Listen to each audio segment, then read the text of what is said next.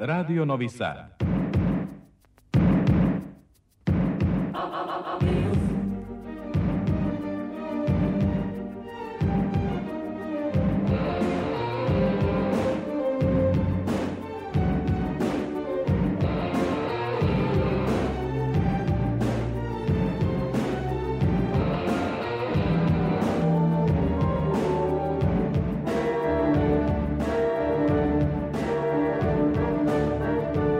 Spektar.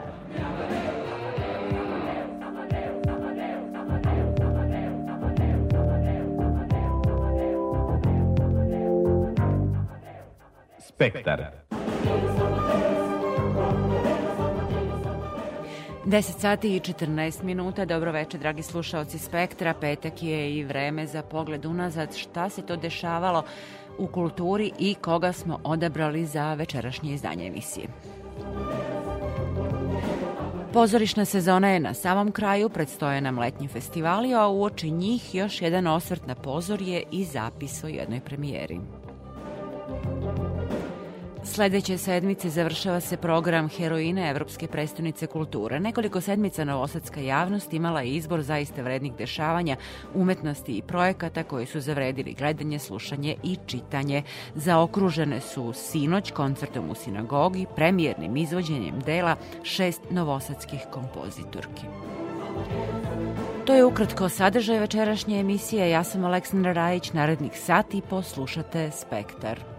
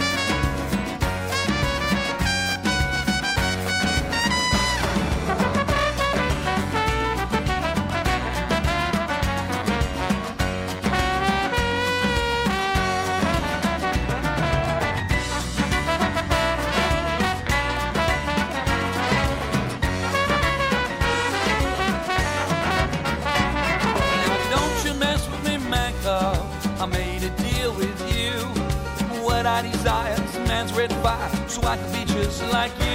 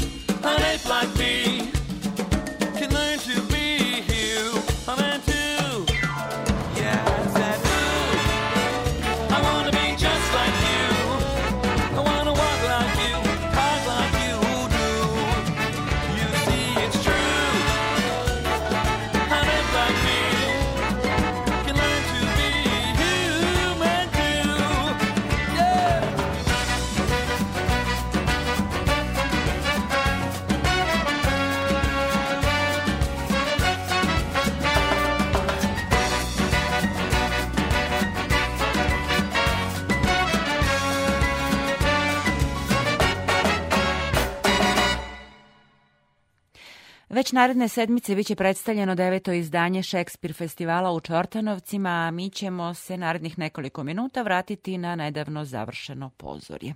Duhovito napisana tragedija savremenog sveta, kako dramaturškinja Jelena Kajgo opisuje predstavu Roller Coaster Ateljeja 212 u režiji Milice Kralj, jedna je od najbolje ocenjenih od strane publike na minulom sterinom pozorju. Dešifrovanje savremenog sveta i naše bliske budućnosti kroz prizmu odnosa majke i čerke izaziva pravi emotivni roller coaster, pogotovo kad se u ulozi majke nađe Dara Đokić. Sa njom je razgovarala Ivana Maletin-Ćorilić. Pozore ste doneli jedan pravi porodični, emotivni roller coaster i otvorili ste mnoga pitanja koja muče sve nas, a to su usamljenost, otuđenje, upliv novih tehnologija u naš život. Koja linija priče vas na tom ličnom nivou najviše angažovala? Sve to zajedno, naravno, i ono što sam sad malo čas pričala, to neko uznemirenje vremena. Naravno, sve ovo što ste rekli, uvek je to prvenstveno odnos majka, čerka, ti, svi ti strahovi, sve ta nerazumevanja, sve te brige kako će njeno dete živeti jednog dana kad nje ne bude bilo. Ali to uznemirenje u šta svet ide i u kakvom svetu će ona njih ostaviti u jednom trenutku, to su to su zapravo brige svih naših roditelja. Svi smo to prošli, svi smo nekad bili deca i svi smo imali taj neki pritisak roditelja i strepnju da li će njihovo dete uspeti, da li će biti srećno i tako dalje. I to sad, kako da kažem, se u ovom komadu problematizuje, ali osim toga što je to oduvek uh, taj odnos generacija, uh, ovaj komad nudi još jedno, upravo to tehnološko, kako da kažem, tu tehnološku revoluciju i to je jedno ubrzanje koje menja svet na jedan način malo sad drugačiji i mi smo onako u strahu od toga u šta se sve to pretvara. Kako će naše živote izgledati okruženi. Mi svaki dan učimo nešto da uključimo, da se povežemo, da... A to, to zaista, negde sam pročitala da nedeljno se menjaju stvari. Nedeljno, dakle, taman savladaš nešto, ono se već pojavilo se nešto novo i drugačije. Meni je to bilo nešto, nekako najzanimljivije, to neko uznemirenje e, tog ubrzanog života i promena. Kako se ono odražava na vaš život? Ipak ste vi predstavnica te neke stare generacije, drugog vremena. Jel se protivite da, tim ne, promenama ne, ili pokušavate da ih preokrenete u svoju korist? Naravno da ne, nego se kao i svi, kako da kažem, usput prilagođavam i, i učim. Puno toga me nervira, ali to je neminovnost i to je deo sad našeg života, jel? Ono što, što je nekom, kako da kažem, fantastično i mladoj generaciji, bez čega ne mogu, ja, oni, ja, kako da kažem, možda imam neki malo drugačiji odnos, ali naravno nemam nikakve nikakve, kako da kažem, velike probleme sa tim. da, još jedan paradoks je da vaš lik, majka Ljiljana, na kraju to utočište pronalazi u robotu kojeg je prethodno potpuno ignorisala i odbijala da prihvati u svoj život, ali on je pruža utočište. Jeste.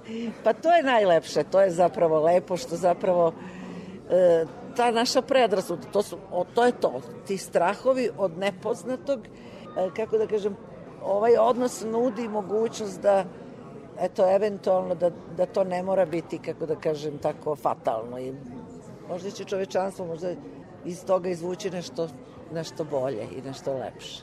Kako mislite da će se to novo digitalno doba reflektovati na pozorište? Već smo svedoci da su roboti oživeli da, na sceni, jest. to je već neki pa, trend. Da vam kažem, da, trend, evo, najavljuje se, kako da kažem, svašta se najavljuje na tom planu. Mi već sad imamo pozorište bez glumaca, jel? Tako da, ovaj, na filmu se već crtaju likovi, jel? A film je još tehnološki dalje otišao. Pozorište će sigurno uključivati, on je već odavno uključio i video, izrazi, i kako da kažem, razne druge stvari, ali ko zna u šta će to sve otići? Mislim, možda će neki hologram igrati na sceni s njama, ne znam, nemam pojma. Sve je moguće. Mislim, tehnologija nudi fantastične stvari. Mislim, ja sam u Njujorku pre, boga mi, skoro 20 godina gledala jedan, jedan musical gde sam bila fascinirana jer sam mislila, bože, šta je ovo, kako je ovo moguće, pada kiša, pada kiša, vidim kapljice kako posle toga suvo, šta je ovo, ne mogu da shvatim, kao da nisam iz pozorišta. A to je sve svetlo zapravo, svetlo. Dakle, nešto što mi još uvek Iluzija. nemamo, da, da. A posle kad se sve to pogasilo, to pozorište je potpuno jedno staro pozorište koje nema ništa naročito, je ko starija telje. I onda su mi objasnili da je to specijalno neko svetlo sa nekim, ne znam šta već. Sa... Tako da mislim, e, tehnologija može da donese da donese čudo u pozorištu u smislu da, da približi taj efekat publici nemogućeg, razume, da napravi, ne znam, kakav doživljaj, ali, ali suština i dalje glumac. Dakle, tu tehnologija ne pomaže. Sve to može da pomogne nekom opštem utisku, ali bez glumca nema pozorišta. A to je nešto što je staro nekoliko hiljada godina. Dakle, to je nešto što što je ili jesi ili nisi, što moraš da doneseš lično, sam sobom, to se ne može unaprediti. I za kraj, vi zaista svojom prirodnošću suvereno vladate na sceni, ili za vas pozorište ima alternativu ili je to negde utočište kojem se uvijek vraćate? Pa to je neko utočište zaista. Ja volim i film i televiziju i sve to, kako da kažem, deo našeg posla ali pozorište je najteža disciplina, disciplina koja vas najviše troši, koja vas najviše košta, gde starite ubrzano, ali je to, kako da kažem, to je suština. I zbog pozorišta smo mi pozorište nas je pozvalo u, u, u ovaj posao. Mene bar. Na 67. sterinom pozorju uspešno je debitovao Aleksej Bjelogrlić, koji je dobio nagradu fonda Dara Čalinić za najboljeg mladog glumca za ulogu vojnika Tanaska u Simovićevom komodu Čuda u Šarganu, Jugoslovenskog dramskog pozorišta. Direktan partner na sceni mu je Ljubomir Bandović. Predstava je inače osvojila pet nagrada na festivalu. Veliko mi je zadovoljstvo bilo i čast što sam došao na najveći pozorišni događaj u Srbiji, a i šire u regionu. I zaista sam presrećan što sam dobio nagradu odmah i zaista nisam to očekivao i dalje ne mogu da saberem utiski i dalje nisam svestan u stvari šta se dogodilo, tako da sam jako zadovoljan i ponosan. Proces je bio magičan, mislim, ja imam nešto, eto, malo iskustva u pozorištu i zaista ovo je nekako kruna do sadašnjeg rada, svakako neću, ne želim da stanem ovde, svakako, ovaj, ali zaista bilo jedno predivno iskustvo, naravno Ljuba je sjajan glumac, veliki glumac, ali i veliki čovek, sjajan partner, čuvao mi leđa i čuvali smo se i mislim da se to i vidi na sceni.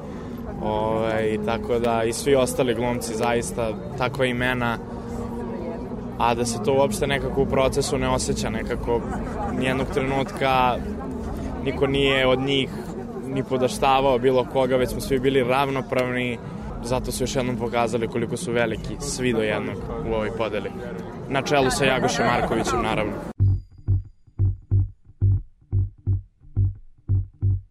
My heart, my head, my mind, my soul, my feelings over you my tears, my touch. Remember all that I am to you. My heart, my mind, my soul, my feelings over you. My tears, my touch. Remember all that I am. When you gonna pick up the phone and call me? Tell me I can come over. I got my ticket and my bags are packed. My coat is hanging over my shoulder. Time is passing and it's getting late. This heart of mine just can't wait. After all that we've been through, I made a gift, I wanna give it to you, baby.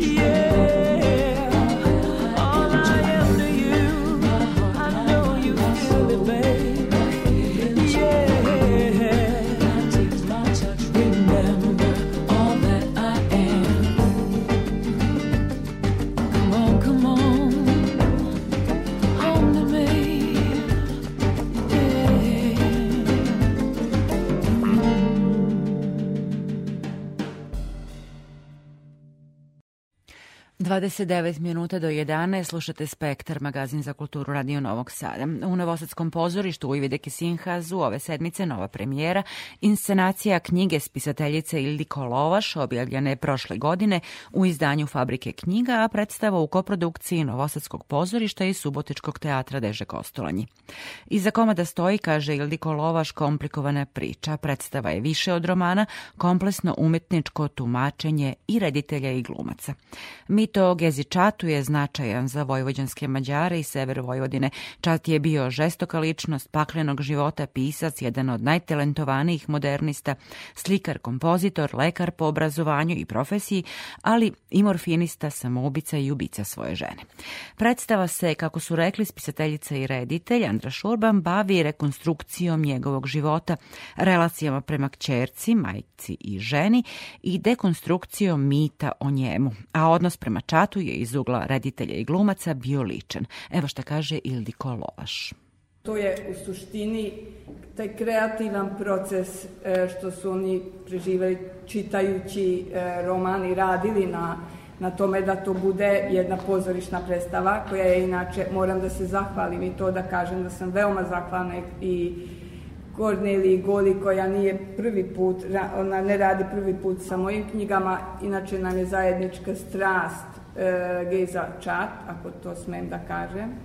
A isto tako mene povezuje e, prijateljstvo više od 30 godina i ako bilo šta o pozorištu ja razmišljam, to je uvijek vezano za Andraša Urbana, jednostavno razmišljamo nekako ne isto, e, hvala Bogu jer to bi onda bilo dosadno, ali imamo nekakvu zajedničku ili viziju o umetnosti koju možemo da delimo i moram da kažem da sam izuzetno zahvalna i, i da će to biti sad reči poštovanja prema glumcima i glumicama koji su, ja mislim, izuzetno naporno radili i da im nije bilo svejedno i da sam veoma zahvalna jer pošto sam gledala probu i sad već znam da je to tako i da je činjenica da su preko romana, preko teksta napravili nešto izvanredno ili e, koristeći tekst su napravili nešto izvanredno što je pozorište. Inače, ja ne gnjavim ni glumce, ni e, Andraša i nemam ni, ne, ne odlazim na probe i nisam, mislim, ono, samo čekam šta će biti i moram vam reći da je to zastrašujuće i da je mnogo više nego što čovek može da postigne u svom radu, u svojoj sobi kad piše e, jedan roman.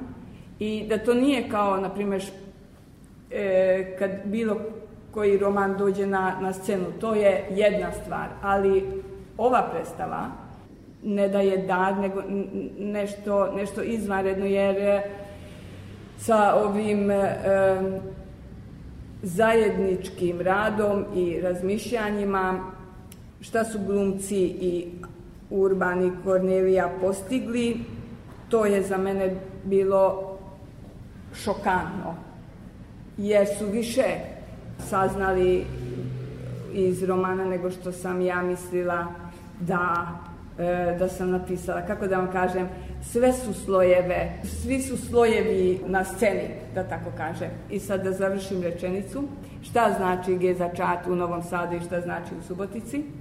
Jer ja mislim da je to jedino bitno sad kao jako pisat zašto sedim tu u Novom Sadu i šta treba da kažem. Dejan Ilić je rekao da kad, su, kad je prošle godine je objavljena knjiga i pročitali su e, kritičari i neki kolege i, kar, i jer njima uopšte G za čat ništa ne znači. Znači, nama Mađarima i vojvojanskim Mađarima G za čat je jedan mit, stvarno, veoma komplikovan mit i neću sad o tome ali šta su oni videli? Kako je živeti sa umetnikom? Znači, to je njihovo tumačenje. Znači, srpska publika, njima nije bitno ko je e, Geza Čat, ko je bila njegova supruga, ni ne znaju obi priču da je on ubio svoju suprugu, da je devojčica, njihova čerka s devet meseci ostala tamo. Oni ne znaju da sam ja iskopala jedan razgovor koji je snimljen 90, 1997. Agneš Kelevi se zove, istoričarku e, književnosti koja je Snimala je jedan intervju sa čerkom Geze Čata koja je živela u Budimpešti i zamislite, to nikad nije objavljen.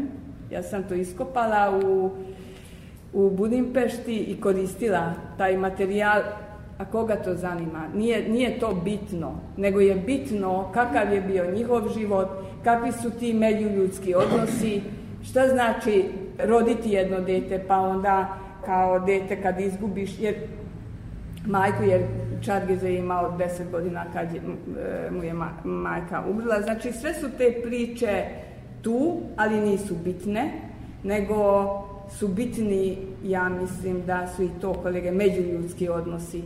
Međuljudski odnosi i ako je moguće to u 21. vijeku i danas to da ima nešto značenje, pričali smo o tome šta je rekonstrukcija i dekonstrukcija, da li smo sad već došli u postmodernu, da li smo stigli da počnemo rekonstrukciju, ako smo već sve dekonstruisali što smo mogli da uradimo, jeli, sa našim životima i sa svetom i sa umetnošću, da li smo stigli tu? I ja mislim da je ovaj pre svega zato što je to Urban režirao i da su uh, glumci bili otvoreni za to, da je njegov odgovor i ova predstava je odgovor na to pitanje da li smo stigli do rekonstrukcije.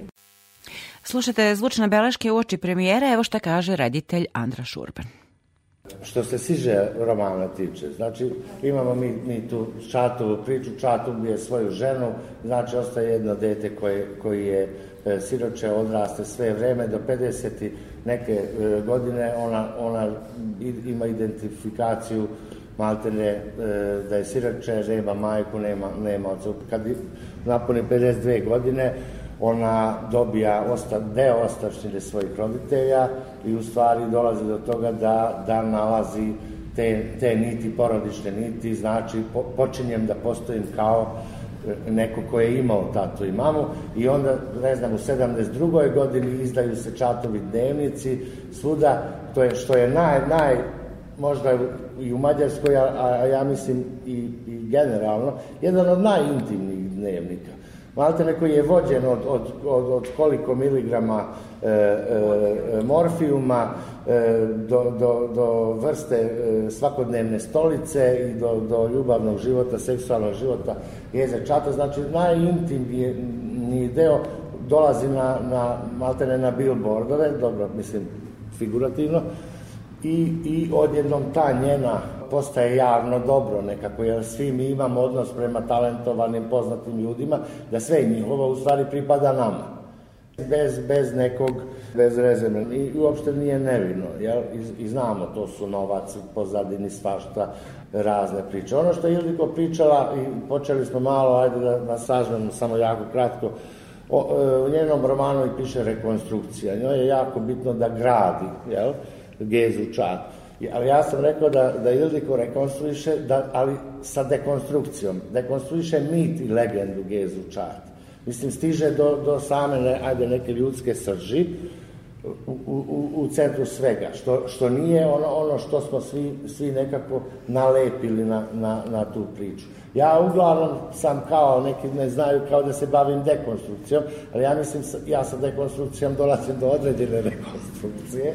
Jako je bilo bitno napraviti predstavu da, da to nije za eksperte iz Gezeča, to je za svakodnevnog gledalca, mislim, dobro namernog gledalca koji želi da se sretne sa umetnošću, da dođe do univerzalnog, e, ne, mislim na opšteg, nego, nego e, bez obzira na predznanje, e, mi možemo posle pričati o, o literaturi Geze Čat, ali, ali, i, ali možemo i pričati unutra o toj nekoj novoj stvarnosti koji koji je pozorišna predstava sa tekstom Ildi Kulovaš, jel? Mislim, sa romanom i nemamo ni druge, u stvari jako malo, ne, nemamo druge tekstove, mislim, ne koristimo tekst kao citat, ali uglavnom 100% je to reči iz, iz uh, romana. U predstavi igraju Livija Banka, Gabriela Crnković, Timea Filep, Boris Kučov, Gabor Mesaroš, Robert Ožvar, Andreja Verebeš. Muziku je napisao Silard Meze i dramaturškinja Kornelija Goli.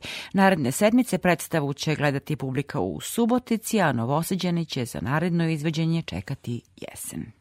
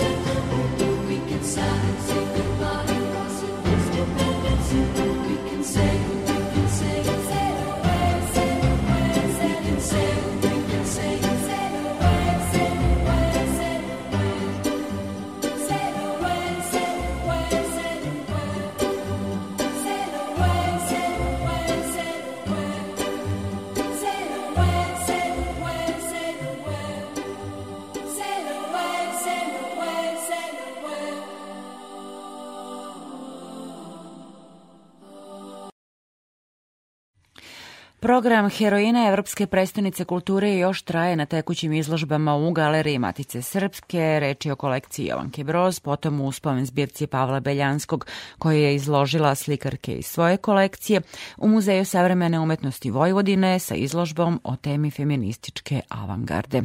Formalno će program Heroine biti završen naredne sedmice, a poentiran je i zaokružen sinoć velikim umetničkim događajem, premijernim izvođenjem kompozicija šest novo novosadskih kompozitorki. Nova dela Aleksandre Vrebalov, Aleksandra Stepanović, Ninete Avramović-Lončar, Jasmine Mitrušić, Ivane Vojnović, Doroteje Vejnović izvele su u Novosadskoj sinagogi pijanistkinje Nataša Penezić, i Branka Parlić kao urednica programa. Ideju je realizovao Savet feminističkih organizacija Rekonekcija, udruženje zaslužno i za to što smo prethodnih meseci dobili dva CD-a sa snimcima umetnica ženske kompozitorke scene u Novom Sadu, potom izbor iz Novosadske ženske proze i antologiju Novosadske ženske poezije o kojoj ćemo nešto kasnije u emisiji govoriti a u okviru programskog luka Heroine Evropske predstavnice kulture u Srpskom narodnom pozorištu odigrana je predstava Novinari pitaju heroine. Likovi četiri žene, važne za Nove Sad, odigrale su Jasna Đuričić kao Marija Trandafil, Gordana Đurđević-Dimić u ulozi Milice Miletić-Tomić, Nataša Ninković kao Milica Stojadinović-Srpkinja i Emina Elor kao Mileva Marić-Einstein. Glumica Jasna Đuričić, dobitnica Evropskog Oskara, u ovoj predstavi oživljava lik Marije Trandafil, najveće dobrotvorke, koja je samo jedan dan posle velikog požara 1848. godine u Novom Sadu živjela kao siromašna i kada su njen suprug Jovan i ona ostali bez ičega, a hrana se pred varadinskim kapijama nije mogla nabaviti ni za novac. To ju je motivisalo na dobrotvorni rad. Sa glumicom Jasnom Đuričić razgovarala je Vesna Farkaš. Sa nama je Jasna Đuričić danas i naravno razgovaramo o predstavi novinari pitaju heroine. Jasna tumači jednu od čini se najvažnijih dobrotvorki u Novom Sadu, Mariju Popović Trandafil. Jeste, da. Jasna? Da. Kako je biti u cipelama Marije Popović Trandafil? Ma to je uvek, uvek meni super. Ja imam sreću da u karijeri uvek igram, mislim ne baš uvek, ali dosta puta sam igrala te neke snažne žene sa, sa, sa izgrađenim nekakvim ono, identitetom, sa žene koje, koje su unatoč svemu uspevale da se da se nekako otrgnu ovom uh, muškom svetu u kome živimo dan danas, da, da isteraju svoje i da nekako se izbori za sebe, a Boga mi i za druge. Tako da je to meni na ponos i čast. Znači, Marija Trandafil, uh, mi i to nas obeležava, nekako poznajemo slabo svoju istoriju i pogotovo te znamenite ljude. Znamo uvek, ali površno, ali ona je zaista najveća srpska dobrotvorka i to kad, kad ja čujem da je ona znači, u, u vrednosti 8 miliona eura poklonila u dobrotvorne svrhe, to je, kako da kaže mene, ja imam moj duboki naklon i imam samo divljenje za takve stvari i pitam se uh, zašto se danas bogataši naši ili svetski tako redko odlučuju na, na, na takve poteze humanitarne. Kada pogledamo vreme današnje, čini mi se da sigurno niko ko je bio siromašan samo jedan dan, kao što je bila Marija da. Popović Trendafil, ne bi se odlučio na ovakav život, nego bi prosto to zaboravio Jeste, i da. ti neki drugi ljudi bi bili u drugom da, planu. Da, to, to ste potpuno u pravu, da, da, da. Pa to je, to govori o, o svesti i senzibilitetu te žene, da joj bije dovoljan jedan jedini dan da joj preokrene život i da, da znači, potpuno promeni svoje svetonazore nazore i da da uperi svoj pogled u, u sključivo siromašne, slabije od sebe, ostavljene, uboge, bolesne i tako dalje, sve ono što što a, vrlo često možete da čujete kao otpad neki društveni ili nešto, jel? Jer mi smo dan danas je tako, sva društva su takva, sklanjamo, sklanjamo pogled od, od, od siromašnog, od prosjaka, ne volimo da vidimo to, to nas vređa. Tuđa nesreća nas vređa. Tuđa nesreća nas vređa i uvek imamo to stanovnište, zašto, zašto se nije potrudio, zašto nije se izborio za svoj život i tako dalje. I to je jedno surovo gledište, strašno, zato što nemamo svi iste predispozicije, ne kraćemo svi se iste tačke, I na kraju krajeva, zar je to bitno? Jednostavno, možda samo da dopustimo da neko nije imao snage da se bori sa, sa ovim svetom. Zar je to tako strašno biti slab? Tako je. Da. I, i kada pogledamo evo, za, za sam kraj, da li mislite da postoji uopšte neko sličan Mariji Popović Trandafil ili čak njoj slične ove tri heroine, da li postoji u, u vremenu današnjem neko ko im je bar sličan? Pa sigurno da postoji. Sigurno da postoji, međutim ti kada živiš u nekom vremenu, tebi je to jako teško da uočiš. Dakle, istorija će pokazati, ali e, mi ako se okrenemo, evo sada u našim sredinama, ako u Srbiji govorimo, vi imate pregršt ljudi, oni nemaju taj medijski prostor, nažalost, takve teme nemaju medijski prostor, ali imate mnogo ljudi koji se bave humanit, humanitarnim radom i, i kako da kažem, na, imaju izgrađenu građansku svest i, i solidarnost i ljubav prema drugom. Ima ih puno, a kako kažem, istorija i vreme će pokazati i sigurno da će se neka imena izdvojiti kao što su se izdvojila imena ove četiri heroine srpske.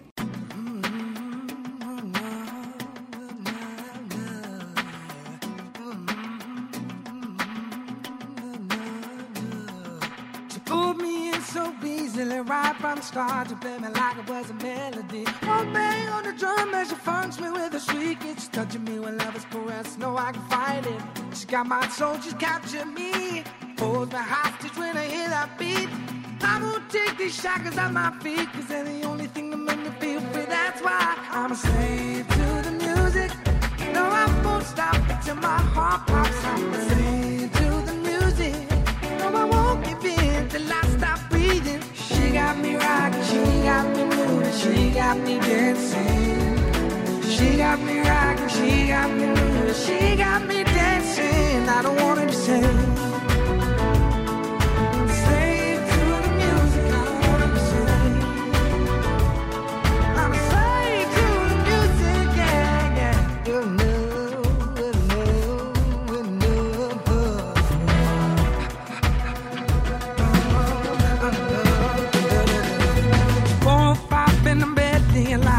gon' get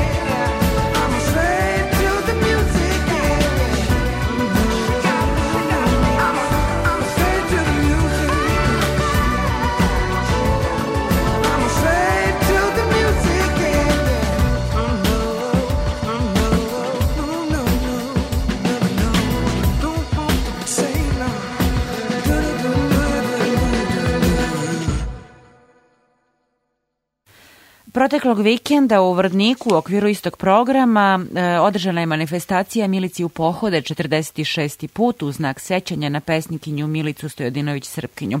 Manifestaciju tradicionalno organizuje Kulturni centar Vojvodine Miloš Crnjanski. Učesnice su bile gotovo sve dobitnice tog priznanja od Radmile Lazić do aktuelne laureatkinje Jasmine Topić. Sastavni deo manifestacije bio je i naučni simpozijum posvećen osvajanju ženskog autorstva u srpskoj kulturi. Organizovali su ga Kulturni centar Vojvodine i Institut za književnost u Beogradu. Sa teoretičarkom Žarkom Svirčev razgovarala je Tatjana Novčić-Matijević. Mi smo duboko u 21. veku, ali jednako i stalno moramo da držimo temu ženskog autorstva u srpskoj kulturi visoko, važno, jer naprosto ništa nije gotova priča, ali ona jeste krenula od Milice Stojadinović Crpkinje i, ne, i negde prati sve ono što su pokušaje energije, ambicije pojedinačne, češće kako su dolazili talasi modernizma u društvo i grupnih jel, angažmana, ali da li mi danas možemo da kažemo da autorke mogu biti zadovoljne? Pa u odnosu na ranije epohe, mislim i periode, mislim svakako da mogu da, da, da budu zadovoljne. Sad to je pitanje koje bi njima ovaj, bi trebalo najpre uh, uputiti. Međutim, što se tiče predstavljanja ženskog autorstva, pisanja o njima, prisustva u književnim časopisima, edicijama, svakako da su, da su, da su prisutnije, da su tu, da su vrlo aktivne. Ono što mislim da je danas još uvek problem jeste da ni, mi ne poznajemo književnu prošlost. Ne poznajemo nasleđe žensko iz 19. i 20. veka i onda se često tu čujem prvi put jedna autorka piše o pa sad nečemu, a ne znamo da postoji čitava tradicija tog i takvog pisanja Dobro, u srpskoj da, kulturi. Dakle, dakle, ta vrsta logističke podrške mm. treba da dođe od vas, istraživačica, teoretičarki. Tako Da, Tako i da. poslednjih deset godina rekla bih da se jako mnogo uradilo na tom planu i to iz vrlo jednostavnih razloga. Konačno su žene naučnice, urednice u izdavačkim kućama, dakle na pozicijama koje im omogućavaju da predstavljaju afirmišu žensko stvaralaštvo. Da. Sada kada govorimo danas o Milici Stojadinoj Crkinji, dakle taj e, fokus se zaista promenio. Ona je dugo bivala jedan neuspešni pokušaj pevanja, naravno na listu e, loših stvari joj je stavljena ta udvorička poezija, A zapravo sad vidimo da, da je ona početak priče Tako o, je, o ženskom stvaralaštvu i ženskom autorstvu. Tako je, ona je jedna vrlo složena figura, vrlo, vrlo složena figura. Ona je nekako stalno tu, stalno je prisutna i našoj kulturnoj svesti i, i samosvesti u krajnjoj liniji, ali nikako do kraja pročitana. Recimo, ako pogledate antologijske izbore gde ona, to je uvek ta samozatajena, asketski nastrojena pesnikinja, rodoljubiva i to fakat jeste loše pesništvo, to ne, nemamo šta da kažemo, ali njen dnevnik krije jedan drugačiji senzibilitet. Dakle, samo to potiskivanje erotskog mnogo govori o sredini, a ne da ona nije imala libido i erotske, erotske želje. Čitate njene, njena pisma, tu se oseti i žudnja i erotika, ali samo je stvar da ih pročitamo tako, ali u kanonu, patriarchalnom kanonu srpske književnosti nama ne treba erotska pesnikinja koja preuzima inicijativu koja piše subverzivne tekstove. Nije nam trebalo do pre dve, tri decenije kada, kada kreću nova čitanja Milice Stojedinović sa feministi, opet žene čitaju na pravi način. Da, što, što negde sada daje i težinu kompletnoj srpskoj kulturi. Dakle, žene su odlučile da se ozbiljno pozabave tim delom istorije srpske kulture i zapravo postave egal osnove Tako onome što je tradicionalna i usuđujem se da kažem patrijarhalno čitanje u, bez obzira na uh, pojedinačne šire vidike istoričara književnosti i kulture. Tako je, tako je.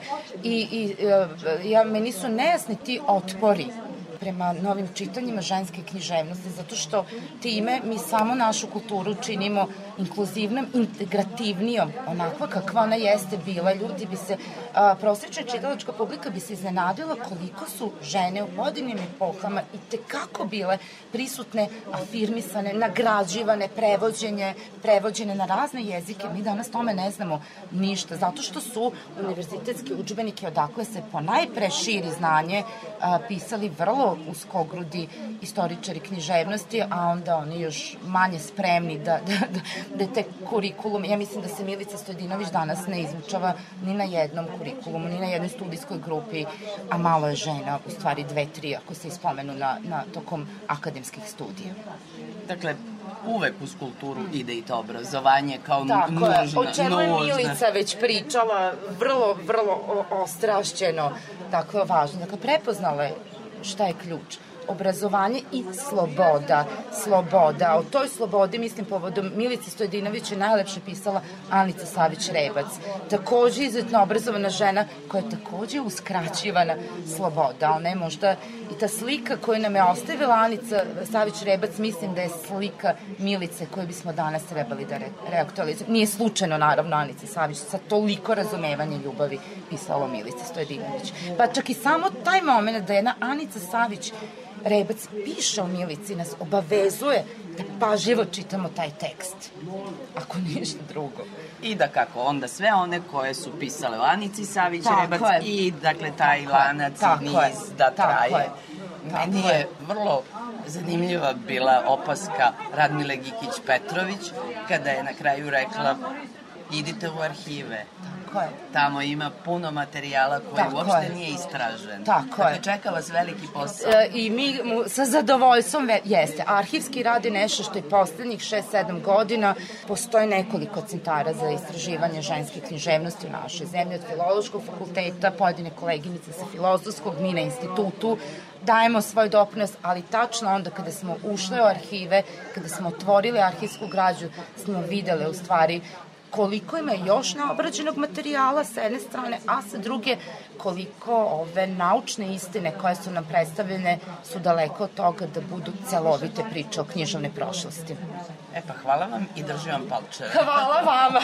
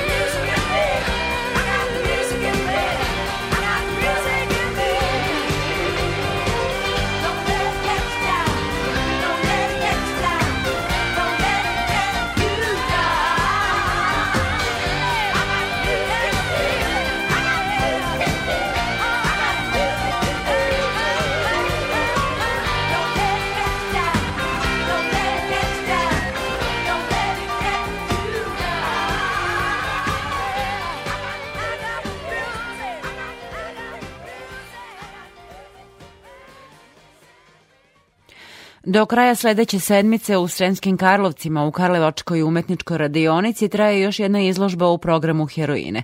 Izložba, kako se kaže, posvećena ženama koje su hrabrošću i talentom prevazilazile okvire društva i prihvaćenog. Autorka izložbe je teoretičarka i istoričarka umetnosti Jasna Jovanov. Odabrala je 13 žena koje su se u životu opredeljivale za profesiju, umetnost i aktivizam i ravnopravno sa muškim kolegama stvarala i ostavile tragu umetnosti. Od sestara Ninković, obrazovanih socijalistkinja, preko operskih diva Sultane Cijuk i Drage Spasić, prve rediteljke Milke Marković, potom Anice Savić-Rebac, slikarki Nadežde Petrović, Danica Jovanović, Zuzane Medvjeđove ili Ankice Oprešnik, do fotografkinja Mare Bogdanović-Rosandić, Kamile Kofler i kopistkinje Zdenke Živković, one su načinom života otvarale puteve emancipacije. Evo i razgovora zabelaženog sa autorkom. Izložba obuhvata vek kipa priče o ženama kod nas, od rođenja sestara Ninković do, evo, rekli ste, smrti Zdenke Živković. Kažete da je izbor ličan. Ipak čime ste se rukovodili i šta ih izdvaja? Pa šta im je slično ili šta ih izdvaja? Izdvaja ih iz mnoštva to da sam ja ili profesionalno bila vezana za neke od njih, pa sam kroz e, istraživanja došla do zanimljivih detalja koji govore o njihovoj emancipaciji, posebnom vidu emancipacije kroz umetnost ili neke druge žene kod kojih sam primetila da je ta njihova upornost, želja da žive drugačije, da, da pokažu ženama da život može biti drugačiji, privukla mi je pažnju i to je prosto opredelilo da ih uvrstim u e, izložbu nezavisno od e, njihovog zanimanja, tiče se naravno umetnosti na širem planu, ali zapravo nije njihovo opredeljenje umetničko presudilo. Čini mi se da je ono što im je zajedničko e, jeste to što su prevazišle sredinu u kojoj su rođene, iz koje su potekle i to što su sve žene zapravo vrlo visoko obrazovane i pozicionirane visoko u svojim strukama. E, kakvi su ti putevi pozicioniranja zapravo? Kako su to uspevale? Evo, za ovih 150 godina, za period koji obuhvata vaša izložba. Ja mislim da ni u jednom slučaju to nije bilo jednostavno. Da su većinom, e, kada gledamo danas, imale neku podršku. Neki od njih su imale podršku porodice, insistiranje na obrazovanju kao Anica Savić-Rebac ili Mara Bogdanović-Rosandić, recimo, Neke od njih e, nisu imale razumevanje sredine poput Danice Jovanović, ta borba je bila duga i teška, ali su sa druge strane Danica imala podršku e, dobrotvornih društava ženskih i tih e, žena koje su učestvovale u radu dobrotvornih društava. Znači, na neki način su imale taj podstrek, potvrdu da su na dobrom putu i da treba da istraju. Ima nekoliko likova, nekoliko ličnosti ženskih e, koje su malo onako ostale skrajnute u istoriji počevo od Sultane Savić, jel da, pa preko pomenuli ste Mare Bogdanović Rosandić, sve do Zdenke Živković, na kojoj, koja je, tako reći, naša savremenica, a na koju nismo obraćali pažnju. I, naravno, tu se izdvaja ime Kamile uh, Kofler, o kojoj praktično ništa nismo znali. Šta ih je e, podiglo u fokus vaše pažnje?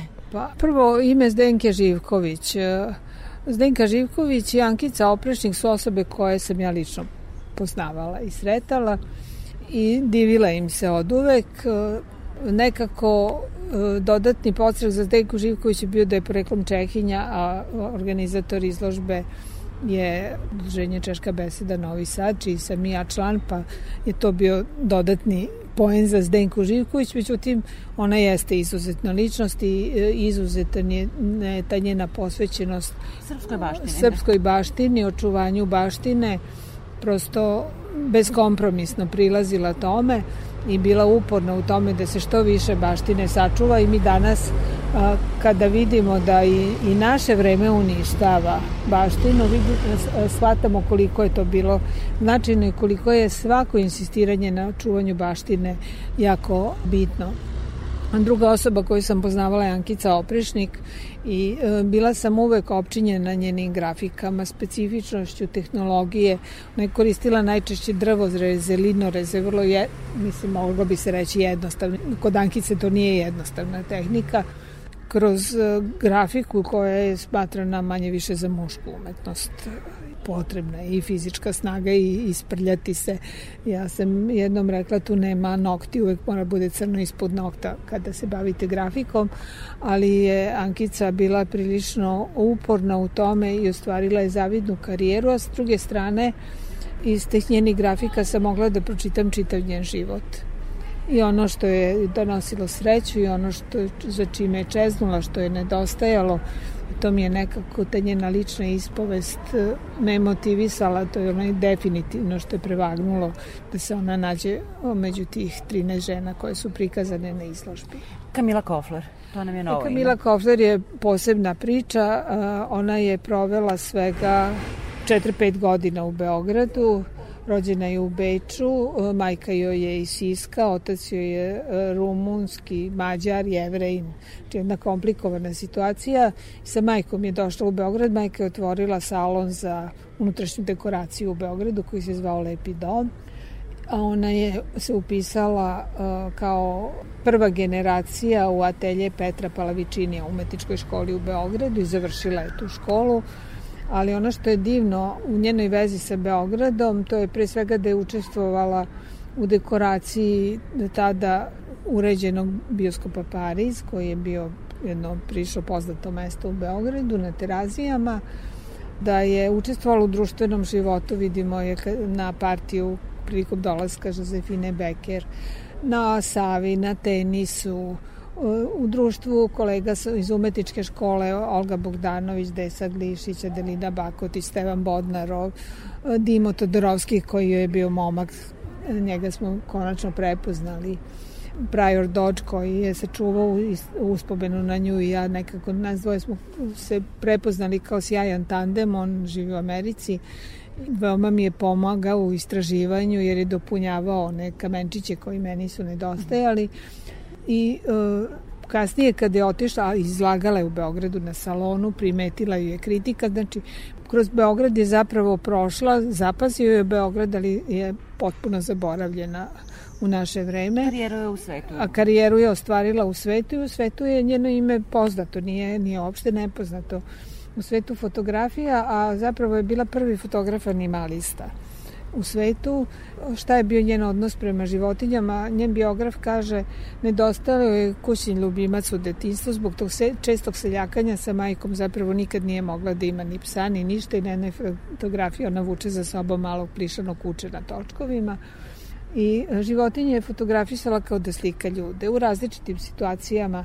Čak ima jednu slikovnicu, razgovor životinja, gde je sve životinje uhvatila u trenutku kad proizvode zvuke, već kako ovaj, komuniciraju životinje izvanredne slikovnice pravila između ostalog naslovne stranice, reportaže za različite eminentne novine, gomilu izložbi, jedno veliko ime u svetu fotografije i činilo mi se da je treba predstaviti, da je, da je vredno predstaviti našoj publici i reći evo, krenula iz Beograda. Sve su ovo žene koje pripadaju klasi, kako ste rekli, e, i kako bi zapravo Nadežda Petrović rekla, Srbija ima dosta udavača, treba je slikarka, treba im umetnica, treba im žena od ambicije, žena od aktivizma. E, unese li ovakve izložbe, zapravo koliko unose ovakve izložbe izmene u istoriografiji, da li je istorija iz ženskog ugla e, drugačija i da li uopšte razmišljate naravno posle ovakve izložbe u tom pravcu? Ja realno ne razmišljam tako. Mislim, umetnost je jedna i svo stvaralištvo pripada jednom korpusu, tako da kažemo. Meni je bilo interesantno na koji način su e, te žene unapredile svoj život i žen, položaj žena generalno zahvaljujući svojoj umetnosti, jer njihova umetnost se meri jedinstvenim merilima srpske umetnosti ili već sveta kome ovaj, pripadaju i ja nekako nisam bila spremna za te podele, samo sam želela da kažem evo one su to uradile i svaka im čast.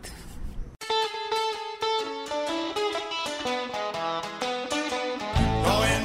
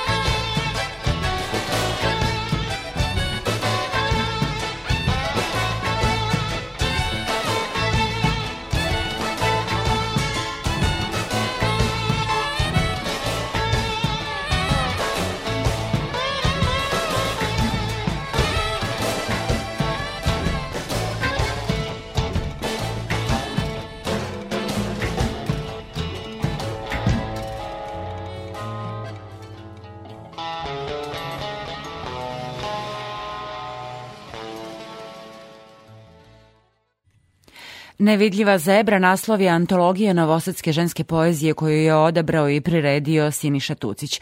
Objavljena je u izdanju Saveza feminističkih organizacija Rekonekcije i knjiga je deo programa Evropske prestonice kulture koja afirmiše žensko stvaralaštvo. Predstavljena je u knjižari Boulevard Books, a zabeležili smo i poeziju koju čitaju novosadske pesnikinje. Evo šta kaže urednica izdanja Vera Kopicl. Projekat je koncipiran da je e, najvažnije bilo izabrati priređivača antologije. I izbor je bio Siniša Tucić. Zašto? Zato što je pesnik i zato što poznaje onu e, nevidljivu scenu. Inače, ženska kultura marginalizovana, ali e, određeni krugovi su dvostruko diskriminisani. I u ovu antologiju su ušle pesnikinje od Judite Šalgo, Katalin Ladik, pa sve do pesnikinja, invalidkinja, LGBT kulture i one pesnikinje koje su ostavile trag na novosadskoj sceni. Dakle, ne samo novosadske pesnikinje koje tu žive i stvaraju, nego i nekoliko pesnikinja koje su jedno vreme provele u Novom Sadu i tu scenu na neki način promenile i uticale na nju. Ono što je takođe jako važno i stvarno redko, to je pogovor priređivača Siriše Tusića na nekih 30 strana gde on vrlo temeljno obrazlaže svoj izbor, opisuje novosadsku scenu, opisuje različite aspekte razvoja pesničke scene, uticaj e, aktivizma na pesničku scenu, povezivanje sa neovangardnom poezijom, sa eksperimentom, podsjećanje na neke ljude kojih više ovde nema, koji su bili jako važni e, kao neka vrsta uticaja na, na pesnikinje sa strane. Tako da je stvarno jedna izuzetno važna antologija u kojoj je Siniša Tucić predstavio 31 novosadsku pesnikinju. Već sam taj broj je neverovatan i podrazumevao je ogroman istraživački rad. Čitanje antologija pesnikinja, pa čak i onih e, koje nisu imale knjige, nego su spletom okolnosti objavljivale samo u nekim časopisima.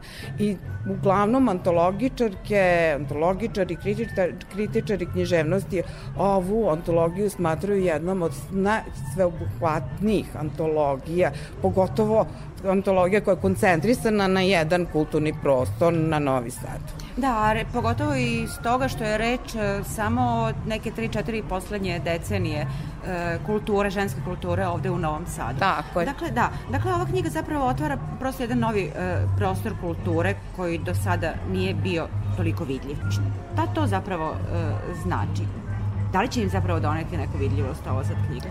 Svakako će doneti vidljivost, ali će osvetliti i još jednu pojavu, a to je da određene teme uh, savremene kulture, kao što je invaliditet ili LGBT, koji su prisutni u delima pesnikinja koje ne žive taj život i poređenje sa tim glasom, tim uh, prvim glasom može se i, i to porediti. Dakle, kako se neke određene teme pojavljuju u kulturi u prvom licu i kao recepcija sa druge strane. Zbirka je dobila naziv po pesmi Prugasta ali nevidljiva zebra Jasne Manjulov. Prugasta ali nevidljiva zebra. Vide se pruge na telu, ne vidi se telo vide se pruge na telu i brišu telo pruge. Šta zebraste pruge hoće, šta hoće, izuvijano telo, hoćeš li ići pravo ili ćeš skrenuti za ćošak pravo, tamo iza ćoška vidjet ćeš prozor, staklo, vidjet ćeš auto, limar, vidjet ćeš životinju, vidjet ćeš dugačku kosu, vidjet ćeš pruge na mome telu, vidjet ćeš da se ne vidi telo, vidjet ćeš da pruge na telu brišu izuvijano telo, vidjet ćeš prugastu zebru i pitaćeš me kuda galopiraš zebrom. Svoju poeziju čitala je i Snežana Nikolić. Položaj tumačenja u književnosti. Kako biste protumačili pesmu u kojoj se ne događa ništa osim kretanja? Na primer, Judita Šalgo je vozila bicikl. Videla sam to na jednom snimku. Ne znam kuda se kretala. Znam samo da je volela kretanje. Književnost u pokretu. Ne mogu vam ni opisati tačku A ni tačku B, jer su one uvek drugačije i ne želim da izmišljam. Izaberite sami nešto od ponuđenog. 1. Pesnikinja je bila malo luda. 2. Pesnikinja je imala loš odnos sa mužem. 3. Pesnikinja je htela da izvrši samoubistvo. 4. Pesnikinja je možda neka vrsta sociopate. 5. Pesnikinja nije bila prava žena. 6. Pesnikinja je nestabilna i isfrustrirana. 7. Pesnikinja je ružna feministkinja. 8. Pesnikinja ne zna s ljudima. 9. Pesnikinja je ljuta. 10. Pesnikinja je previše u svom svetu. 11. Pesnikinja ne zna da se kontroliše. 12. Pesnikinja ne razume stvarnost. 13. Pesnikinja kao da nije živa. 14. Pesnikinja je nepristupačna. 15. Pesnikinja je previše glasna. 16. Pesnikinja se pravi važna. 17. Pesnikinja. U slučaju neodgovarajućeg tumačenja dopisati. Tijana Sladoje iza sebe ima jednu zbirku od erotina za koju je dobila nagradu Branko Miljković. Neprijatno mi je da pišem, kaže u svojim stihovima, neprijatno je, ali se mora. Pa da završimo s tim. Moram reći da apsolutno ne, ne doživljavam sebe ni kao novosadsku, ni kao pesnikinju, to su neke stvari koje su se desile sticajem okolnosti, tako reći, i pisanje uopšte i poezija, tako da sebe doživljavam kao neku ko piše poeziju za sad, do kad vidjet ćemo, a isto tako u Novom Sadu sam živela jedan period svog života, trenutno ne živim, možda se opet vratim, ali kažem, vrlo su relativni ti pojmovi, ali u svakom slučaju mi je drago što sam trenutno deo ovoga i ove antologije u svakom slučaju. Vaša knjiga, prva knjiga je prva jedina sa sada. Imala je zaista dobru percepciju, e, to su brojna čitanja, brojne nagrade, E, kako ste vi to doživeli i šta dalje sada? Pa iskreno ja sam iznenađena. Nekako ta knjiga je napisana, izašla je i sad na neki način živi svoj život i čujem sa raznih strana da je pročitao ovaj ili onaj razne reakcije i slično, što me raduje, kažem, ne pratim, ne znam baš tačno, ali ovo što znam zaista mi je drago i dešava se, čuje se za to i to je lepo, a dalje mislim, pišem i dalje, to se dešava, tako da nemam nikakav konkretan plan i ništa slično, ali kao što se ova knjiga desila, tako da verujem da će i u budućnosti nešto slično da, da se pojavi. Koliko dobro poznajete novosadsku žensku pesničku scenu?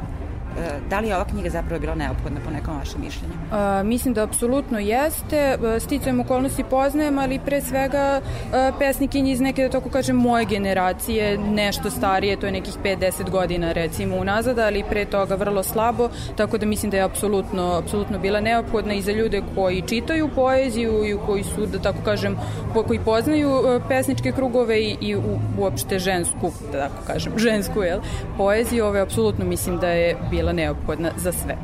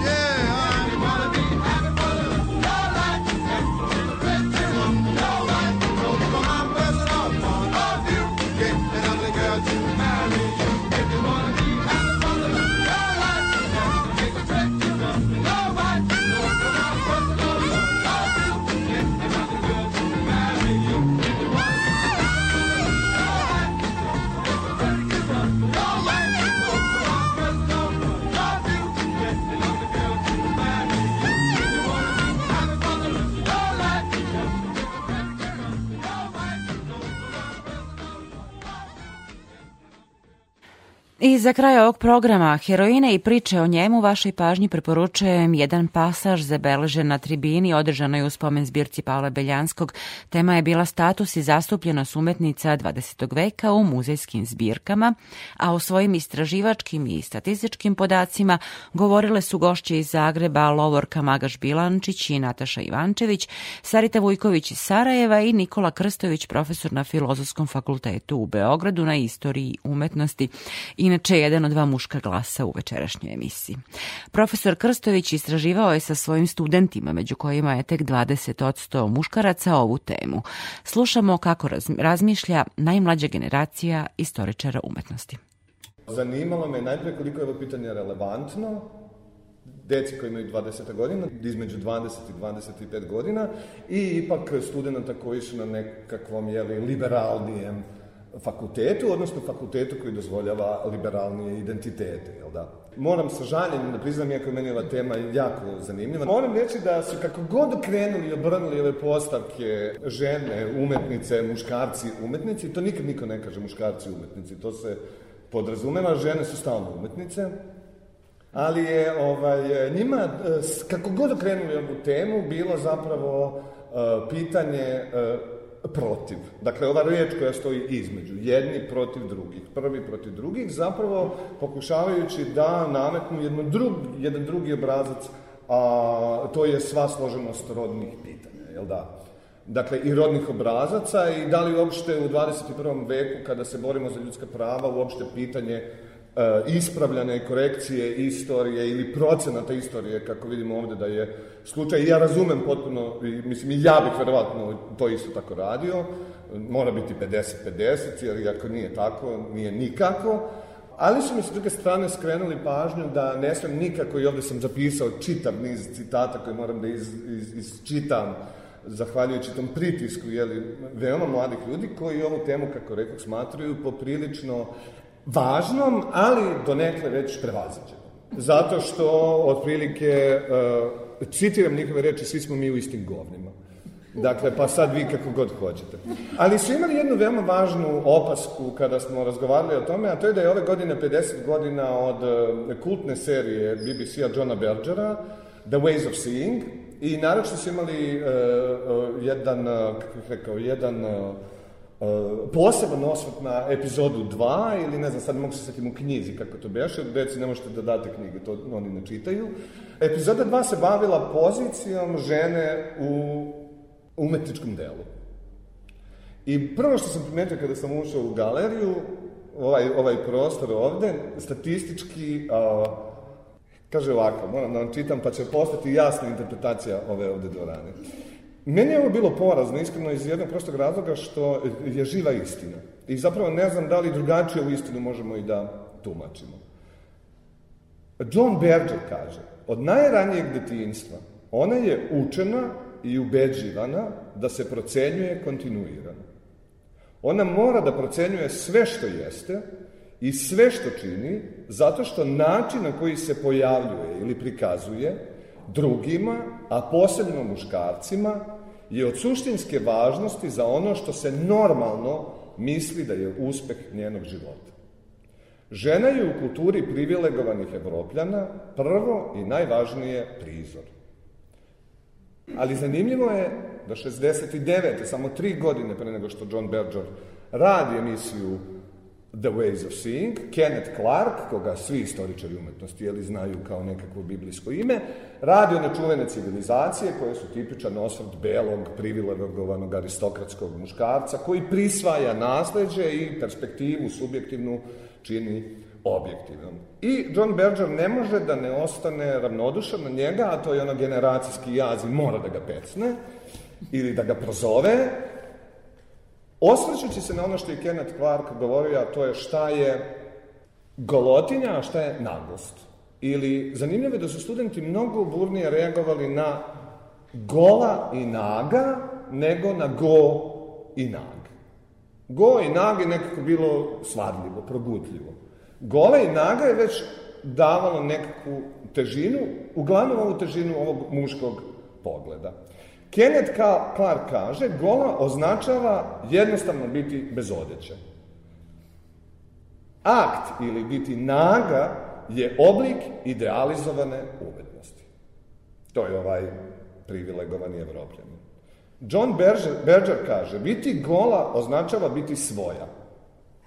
Nagost označava biti viđena kao gola od drugih, ali ne i priznata kao svoja. Naga se mora videti kao objekat kako bi bila naga. Naravno, biblijski je obrazac, jeli, žena je uzela tu jabuku, dala muškarcu, težak porođaj, agent pred Bogom će biti muškarac, renesansa to samo još malo dodaje, to su istorijski jeli, činioci, e, i, ali uvek je nagost e, i taj stid u odnosu na posmatrača. Dakle, kada gledamo Adama i Evu iz renesansa, oni se ne stide jedno u odnosu na drugo. Ali su predstavljeni tako da se stide u odnosu na posmatrača. Što govori da zapravo ovo pitanje je uvek pitanje moći. I na to su studenti reagovali. Dakle, ovde se potpuno depersonalizujem u smislu ličnog mišljenja, ali ne mogu da izbegnem da se ne slažem, jeli, pa da nemam taj, kako bih rekao, opravdavajući ton za ono što, na, kako razmišljaju. Dakle, da muško-žensko pitanje nije pitanje, ovo ću sad ja dodati, procenta i tako dalje, nego pitanje moći. I kada smo počeli da razmatramo ovu temu, nismo razmišljali o umetnici u 20. veku, prosto nije bilo interesantno, ali ova, ovaj naslov kako je stavljeno, status i zastupljenost, to je ovaj posmatrač. Dakle, to je ovaj ko određuje koliko će ko biti zastupljen i kakav će ko imati status. A to je kustos. Dakle, ne zavisi od umetnice da li će biti u zbirci, nego zavisi od kustosa. Kaže dalje, biti naga implicira svest da je žena viđena od strane posmatrača. Žena nije naga zato što jeste, već zato što je tako viđena. I najveća pervertija možda od svih i koja je možda najbolnija. Ponekad žena gleda sebe u ogledalu, oslikavajući sebi kako je vidi muškarac. Tako ogledalo, a radi se onim venities, onim taštinama, slikama taštine, tako ogledalo postaje simbol taštine žene. A muška hipokrizija je u ovome potpuno blatantna. Naslikaš, i sada se obraća muškarcu, naslikaš obnaženu ili golu ženu, zato što uživaš da je gledaš, staviš joj ogledalo u ruku i nazoveš sliku taština. Tako moralno osuđujući ženu, čiju golotinju si naslikao za svoje sobstveno zadovoljstvo, a ponavljajući onaj biblijski obrazac. Ono što je porazno i možda poraznije od ove statistika je da je po Johnu Bergeru više desetina hiljada slika evropskog slikarstva na kojima se prikazuje nago ili golo žensko telo, a samo je dvadesetak uspeo da a, prepozna kao a, izuzetak. Dakle, ono gde karakter i ličnost odgovaraju biti gola ili biti naga. I to su studenti zanimljivo deklarisali kao moć jedan. Dakle, moć hipokrizije, muške, muškog narativa i moć osude. Drugi su prepoznali u onome što ga vidi John Berger u svom primjeru, a to je, ja ću reći, Parisov sud, to je Rubensova, jeli, najikoničnija slika, ali suštinski to imamo, taj obrazac se ponavlja hiljadu puta. Vidite ga na TV-u danas, ako proširimo koncept vizualne kulture, to je potpuno to. Dakle, Paris posuđuje koja je žena najlepša. One koje nisu procenjene kao lepe, nisu lepe. Tačka. Nema daljeg preispitivanja, nema daljeg kritičkog odnosa. One koje jesu, dobijaju nagradu. Nagrada je da budu posedovane, odnosno da budu dostupne. I tako se zatvara ovaj krug moći. Vidim već face i moja je bila ova, takva. Dakle, šta su studenti hteli da kažu? Iako ovo nije relevantno pitanje, više za njih, imaju druge prioritete. Ovo je nasledđe iz koga smo pošli odnosu žena prema umetnosti. Dakle, ne umetnica prema umetnosti, prema umetnosti, nego žena kako je vidi umetnost. Ili ti u prevodu kako je vidi muškarac, kroz alat koji se zove umetnost. Najžalostnije je što se obrazac ponavlja u popular, popularnoj kulturi, jel da? Pitanje je gde se moć danas nalazi i kako ovo prevazići. Problem moći otvara pitanje kustosiranja onoga ko ima moć da posmatra ili osuđuje, selektuje i interpretira, kaže Krstović. U savremenoj umetnosti to je kustos. Helen Melsford, Thelma Golden, Chu Yi-ling, Marija Balšov, Marija Inez Rodriguez. To je po top listi pet najznačajnijih kustoskinja danas na svetu. Koja se od njih bavi umetnicama i ženskom umetnošću? Ni jedna. Bave se afroamerikancima, bave se pitanjima kapitala, bave se pitanjima ekologije, bave se pitanjima koja su pitanja demokratičnosti, ljudskim pitanjima. Pitanjima preživljavanja, doslovce, na, na ovoj planeti. I onda su me natarali da napravim ja jednu statistiku i da izvrnemo situaciju da vidimo gde je danas moć, danas, moć ovog trenutka, moć u Srbiji kada su u pitanju politike, kustoski poslovi, upravljanje i tako dalje. Od svih muzeja u Beogradu i Novom Sadu, značajnijih, samo Muzej nauke i tehnike i Prirodnjački muzej ima direktora. Tako tipično. Ili ti u prevodu njihov komentar je bio baš tamo gde i treba da budu. Centralna ustanova, dakle, Narodni muzej Srbije, Etnografski muzej, Muzej savremene umetnosti, Muzej primenjene umetnosti, Muzej Jugoslavije, Muzej grada Beograda, Muzej afričke umetnosti imaju direktorke. Galeri, ovde sve tri ovde na ovom trgu, jel da? Ne, izvinjavam se. Muzejski savet Srbije ima pet članova, toga četiri žene, jedan muškarac. Ministarka kulture je pomoćnica ministar, ministar, ministarke kulture su žene. Od 15 dobitnica IKOM nagrade Srbije u poslednjih 19 godina, dakle bilo je samo 15 dobitnika, 12 su žene. Izvodi se pitanje iz ove statistike, da li je u savremenom društvu, savremenom svetu ili savremenom stvaralaštvu uopšte pokrenuto pitanje zastupljenosti ili pitanje moći ili pitanje pristajanja na nešto što zovemo muški narativ. I studenti su jako dobro postavili pitanje, ovo stvarno nije moje, ovo je njihovo. Da li je zapravo onda struka muška? I da li je obrazac, ako sve ove žene na ovim pozicijama moći zapravo ne menjaju narativ, da li mi zapravo imamo struku koja je muška ili definisana po nekakvim muškim paradigmama, ili žene prate, ovo je sad još jedna ružna reč, profesionalke, jel da? Prate obrazac muške struke. I da li je zapravo, a što imamo već jasno, feminizam i postmodernizam idu ruku poz ruku, da li je zapravo struka onda modernistička? I kako bismo narativ struke promenili? I da li ove koncentracije moći od ministarke kulture, pa do gotovo 90% gde su muškarci bukvalno satirani među konzervatore, i to opet ostaje ono, ako se osjećaju kao muškarci, i, i niže. Ako je ovo nasledđe pozicije žene u onome što nazivamo istorije umetnosti.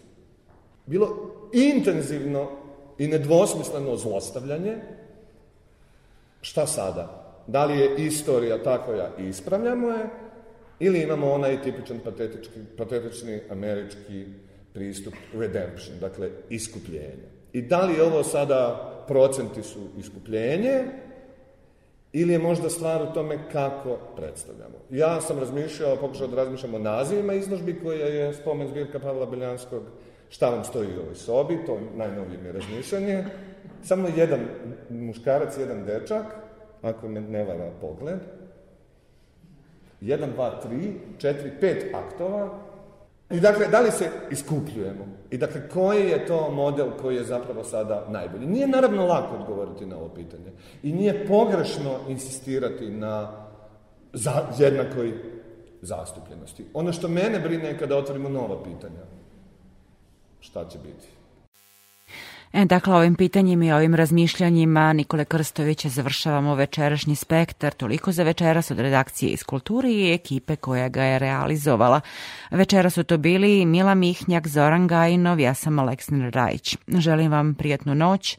Slušajte nas na sajtu rtv.rs na odloženom slušanju, a potom i sledećeg petka u isto vreme.